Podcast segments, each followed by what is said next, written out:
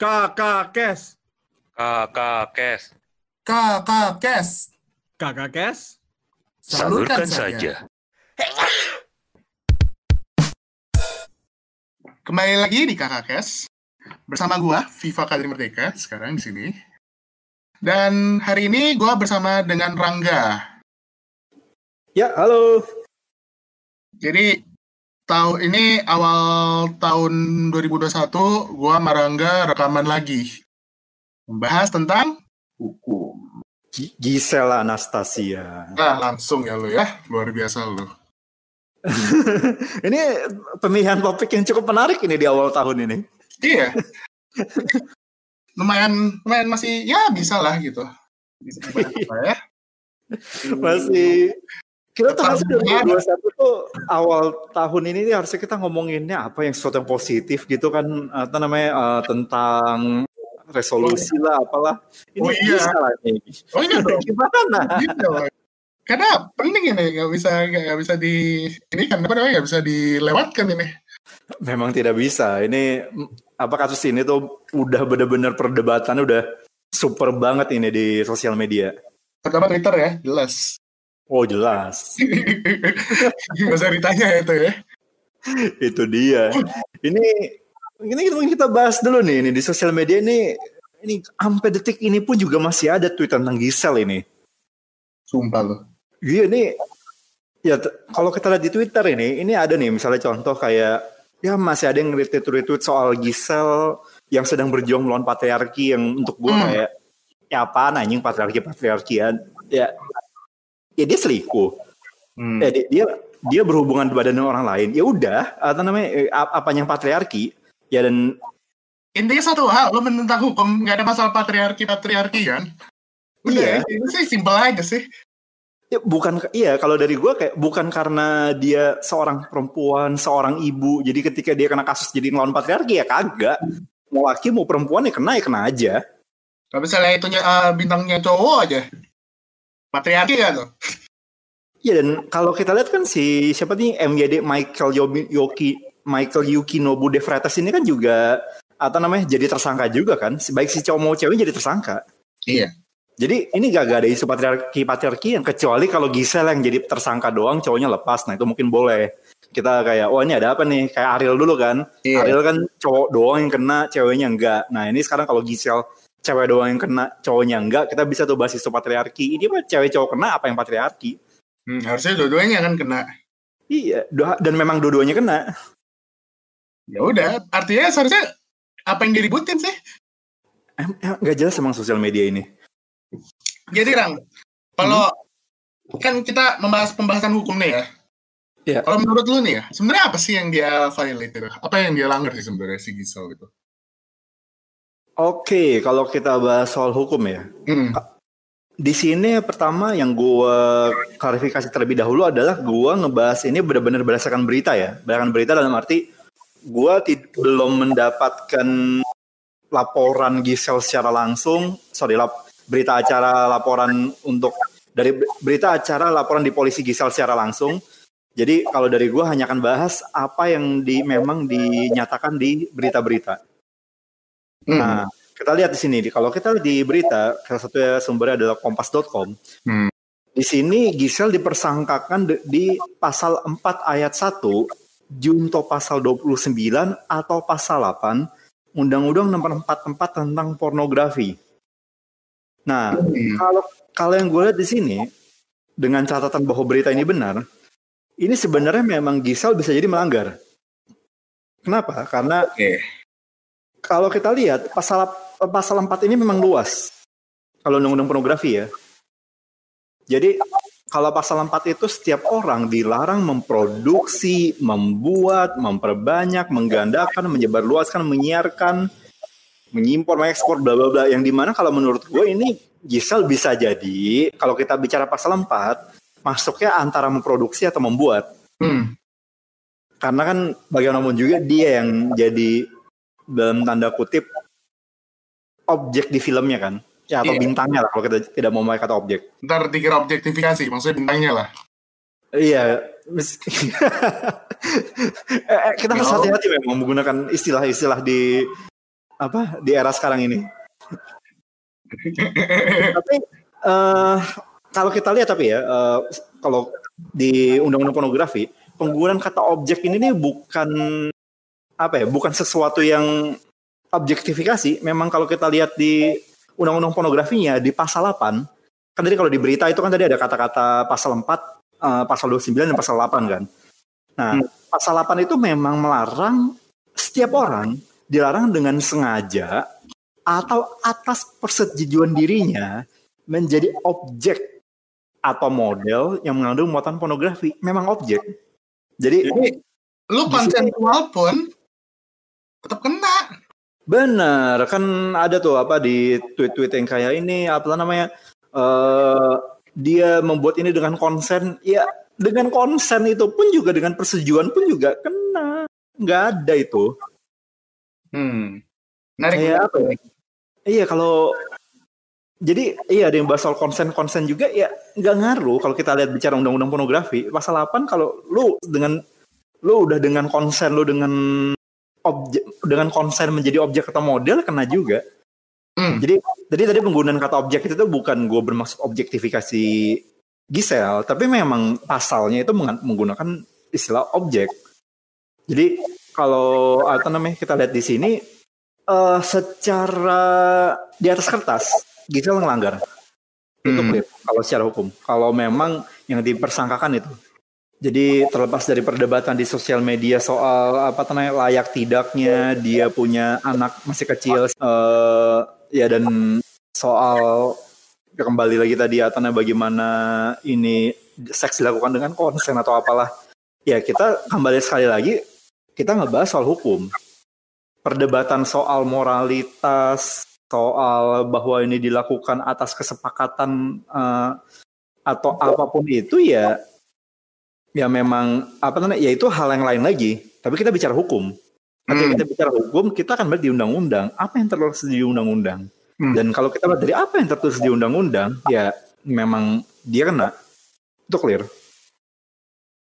Jadi apa namanya uh, di sini dari sini gue mau berpihak ya di sini dalam arti gue tidak pro dengan tidak juga tidak pro dan kontra dengan Gisel dikenakan pidana gue cuma lihat hukumnya dia kena titik masalah okay. seharusnya dia kena atau enggak ya, ya terserah intinya gue sama lu di sini netral ya mengenai dia ya kita tidak bilang wah ini harus atau wah ini patriarki intinya menurut hukum tapi kalau itu semua adalah perdebatan yang valid hmm. tapi kalau tapi kalau kita, kita kita berbicara mengenai hukum, ya yang apa yang penting adalah bunyi pasalnya gimana dan apakah dia melanggar hal tersebut. Hmm. Emang efek uh, efeknya apa sih sekarang ya setelah Gisel ini sampai sekarang masih diomongin? Emang mereka mau ngomongin apa lagi sih? Terus yang gue denger juga katanya apa yang hubungannya mengenai MK itu gimana itu maksudnya? Kalau menurut lu, Nah, gini, kalau di sini memang ada uh, seorang ada kalau di berita ada advokat di Surabaya yang pada akhirnya menggugat penjelasan pasal 4 ayat 1 UU pornografi. Di mana apa namanya? Ini sebenarnya langkah yang gimana ya? Uh, pasal 4 ayat 1 ya. Iya, pasal 4 ayat 1. Jadi kalau di sini apa namanya kalau ini sebenarnya kalau di berita campur-campur, dia membuat pembelaan mengenai Gisel bahwa menurut penjelasan pasal 41 harusnya dia tidak kena bla bla bla, tapi dia juga menggugat ke sebenarnya bukan menggugat sih kalau ini lebih kepada memohonkan untuk dilakukan pengujian pasal 4 ayat 1. Jadi hmm. apa namanya uh, dia kalau kita lihat ini ada berita di kumparan bahwa kerugian konstitusional pemohon dengan berlakunya penjelasan pasal 4 ayat 1 itu pemohon juga mempunyai anak, saudara yang biasa, bisa saja akhirnya menonton video berkonten pornografi. Enggak sih, ini ini ini bukan materi MK sih sebenarnya sih. Tapi ya kita lihat aja nanti. Kalau gini, untuk bisa ngejudge permohonannya gimana ini gue perlu baca permohonannya dulu Hmm. Di mana kalau kita lihat dari berita sih, kalau kita bicara apa pemohon mempunyai anak saudara yang bisa saja menonton video berkonten pornografi ya ya ya kita ya itu bukan materi permohonan MK sih Tapi Iya. kalau gua baca di sini ya 41 bunyinya begini Rang. Gua coba bacain kali ya. boleh boleh Setiap orang dilarang memproduksi, membuat, memperbanyak, menggandakan, menyebarluaskan, menyiarkan, mengimpor, mengekspor, menawarkan, memperjualbelikan, menyewakan, atau menyediakan pornografi secara eksplisit memuat. A. Persenggamaan termasuk persenggamaan yang menyimpang. B. Kekerasan seksual. C. Masturbasi atau onani. D. Ketelanjangan atau tampilan yang mengesankan ketelanjangan. E. Alat kelamin. Atau F. Pornografi anak. Sekarang yang dari yang gue baca ini menurut lu jelas nggak, Rang? jelas dan kalau ini kalau ini sorry untuk pemohonnya ya tapi eh, si advokat Surabaya ini kan eh, gugatannya ini adalah tentang bahwa di, di latar belakangi bahwa Gisel tidak mengedarkan videonya tersebar karena HP-nya hilang di mana ini agak aneh sebenarnya kalau dia kalau dia berargumen seperti itu karena kan dia bi- justru sebenarnya yang jadi masalah itu bisa saja di memproduksinya itu. Apalagi kalau kita kaitkan dengan pasal 8 tadi yang menjadi objek atau model. Jadi bukan di mengedarkannya di jadi kalau sasaran yang dia serang si Elok ini lebih ke mengedarkannya ini Untuk orang yang nyebarin sebenarnya. iya dan Bukan untuk Giselle ya. Kalau ini Benar. dari yang gue lihat.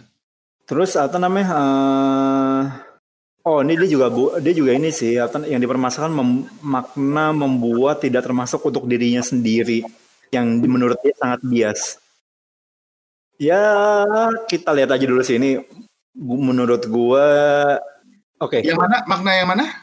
makna membuat tidak termasuk untuk dirinya sendiri di penjelasannya Oh, penjelasan ada satu bentar ya. Penjelasan pasal 4 eh, ayat 1 ya. iya Yang dimaksud dengan membuat adalah tidak termasuk untuk dirinya sendiri atau kepentingan sendiri. Oh, oke oke oke oke paham paham. Kalau memang penjelasan yang disasar adalah itu tunggu tunggu tunggu tunggu. Tapi Ini case-nya menarik sih, Ram. Karena hmm, logikanya kalau orang melakukan hal itu dan dia mereka membuat video, mereka biasanya hanya menyimpan di HP-nya doang. Mereka tidak akan menyebarnya. Oh, ini ini ini. Eh, kalau kita oke oke ini ini bisa jadi gue salah menangkap maksud dari si pemohon ya. Tapi ini kita sekali lagi berdasarkan dengan apa yang terus di berita. Dia lebih ke ini, dia lebih ke apa kan namanya? Dia pengen membuat semua orang dilarang membuat konten pornografi meskipun untuk kepentingan pribadi. Jadi Hmm. dia menyerang mak apa tidak termasuk untuk dirinya sendiri ini yang pengen dia hajar. Jadi ma- kalau ketika seseorang membuat konten pornografi atau namanya eh, mau itu untuk dirinya sendiri atau enggak itu tetap melanggar. Jadi jadi jadi dia bukan ngebela Gisel sebenarnya. Ya si Oh. advokat ini dia sebenarnya lebih kepada untuk membuat pem- pembuatan video bermuatan pornografi dalam bentuk apa pun dengan maksud apa pun mau itu untuk kepentingan diri sendiri ataupun untuk eh, orang lain Mhm. komersil ya itu pokoknya dilarang semua jadi dia eh, makanya dia atau namanya bilang yang soal anak-anak tadi oke oke sorry ini Hmm. gue baru paham ini yang soal permohonan ke MK ini. Jadi sebenarnya dia justru pengen memper ini lagi dengan dia menggugat ke sorry bukan menggugat. So, dengan dia memohonkan judicial review untuk pasal 4 penjelasan pasal 4 ayat 1, dia justru ingin membuat ya muatan konten konten pornografi apa pun yang diproduksi atau dibuat kena semua. Hmm. Jadi lebih keras lagi. Jadi emang, tapi kalau kembali lagi ke Giselle, dia tidak menyebarkannya loh artinya.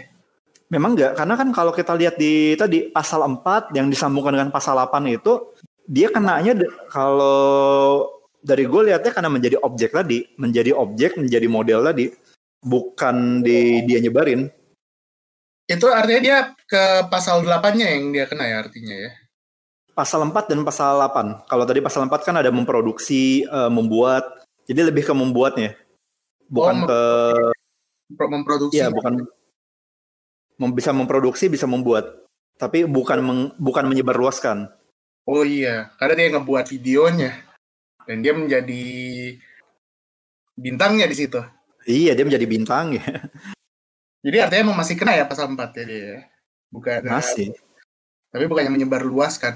Makanya jadi eh, secara makanya tadi secara hukum dia kena. Itu clear. Clear.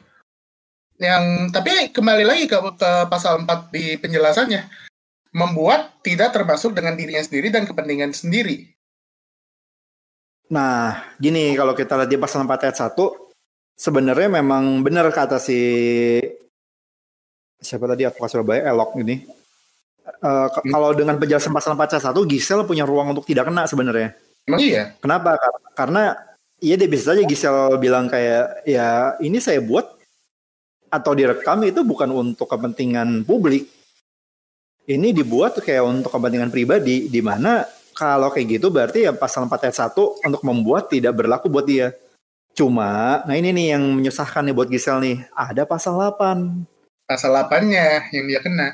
Bukan Iya, jadi apa namanya? eh, meskipun Gisel mungkin bisa membela diri dari, dari pasal 4 ayat 1, tapi pasal 8 ini nih eh, bisa juga ini, bisa juga kena ke dia karena kalau kita lihat dari penjelasan eh, pelaku itu tidak dipidana jika pelaku dipaksa dengan ancaman atau diancam di bawah kekuasaan. kalau jadi kalau dia tidak melakukan kalau misalnya kalau dia tidak melakukan dengan ancaman dia akan ditembak mungkin dia bebas dari pasal 8 Benar, jadi kalau di penjelasan pasal 8, jika pelaku dipaksa dengan ancaman atau diancam atau di bawah kekuasaan atau tekanan orang lain, dibujuk atau ditipu daya atau dibohongi, pelaku tidak dipidana. Nah, Hmm. jadi unless dia bisa membuktikan di pasal 8 bahwa oh enggak, saya di bawah eh, kekuasaan atau tekanan dari orang lain bla bla bla bla bla ya kena. kena jadi, Jadi artinya it's a, it's a bad case sih untuk Gisel. eh, cuman pasal 4 jadi dia bebas pasal 8 dia masih kena karena di situ jelas menuliskan kalau lo membuat dengan konsensual lo kena Yes. Lo membuat dengan konsensual lo kena. karena jelas pasal 8 di sini berbunyi setiap orang dilarang dengan sengaja atau atas persetujuan diri sendiri menjadi objek atau model yang mengandung muatan pornografi. Jadi ya kita lihat aja. Ya kecuali kalau misalnya nanti ternyata di pasal 8 ini pun juga Gisel somehow bisa ngebuktiin, oh bukan saya ditipu daya misalnya. Atau di Atau ya atau lah di bawah kekuasaan atau diancam atau apa pun itu ya mungkin masih bisa lepas tapi ya kita lihat ini perkembangannya gimana. selama konsensual enggak ya? Iya selama bisa dibuktikan bahwa ini kita- dengan konsen enggak. Hmm. Menarik ya. Terus untuk orang yang menyebarkannya ini harusnya mereka kena nggak sih? Kayak Kena. orang yang meluaskan uh, videonya Gisel ini 19 detik ini. Pasti kena. Kalau dengan catatan ketemu ya. Jadi Ya. kalau siapa yang nyebarin ini kena. Kayak misalnya dia kena hanya dalam uh, undang-undang hukum pornografinya saja kah atau ITE juga kena? Karena uh, karena pasti yakin kalau orang-orang kayak gini menyebar video pasti mereka ti- um, um, lewat kom apa lewat komputer lewat internet pasti sharingnya lewat internet Bisa jadi kena juga. Jadi eh bisa jadi UU ITE kena, bisa jadi pornografi juga kena. hmm. Jadi atau namanya ada dua kemungkinan. Hmm. Jadi kalau kita lihat ya apa namanya kan kalau kita lihat di perbuatan dilarang itu kan di UITE setiap orang dilarang kan dengan sengaja tanpa hak mendistribusikan, mentransmisikan, membuat dapat diakses muatan yang melanggar kesusilaan Hmm. itu ya bisa kena. Jadi gitu ya konklusinya ya kita ya di sini ya. Yes.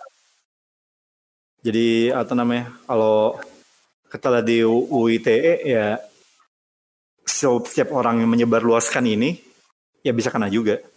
Hmm. Pornografi kena, UITE bisa kena. Hmm. Oh, sama ini juga ya? Uh, data proteksi, data pribadi. Itu gua masih belum gua masih belum bisa komentar kalau perlindungan data pribadi ini. Gua belum masih pelajarin dulu. Hmm. Menarik, menarik. Ya, karena kita Nih, by the way, kita rekamannya lewat Discord nih. Kita kita lihat nih gimana nih. Ya udah. Kita kita lihat. Kita lihat. Ya udah guys, kalau begitu sampai hari ini kita tutup dulu ya bahas tentang hukumnya dan thank you banget buat Rangga udah datang dan membahas ini. Lo Yo. masih di kantor ya Rangga? Masih di kantor sampai saat ini. Mantap. Ya, jadi begitulah uh, guys. Terima kasih and have a good day. Have a good day all. Kakak Kes. Salurkan saja.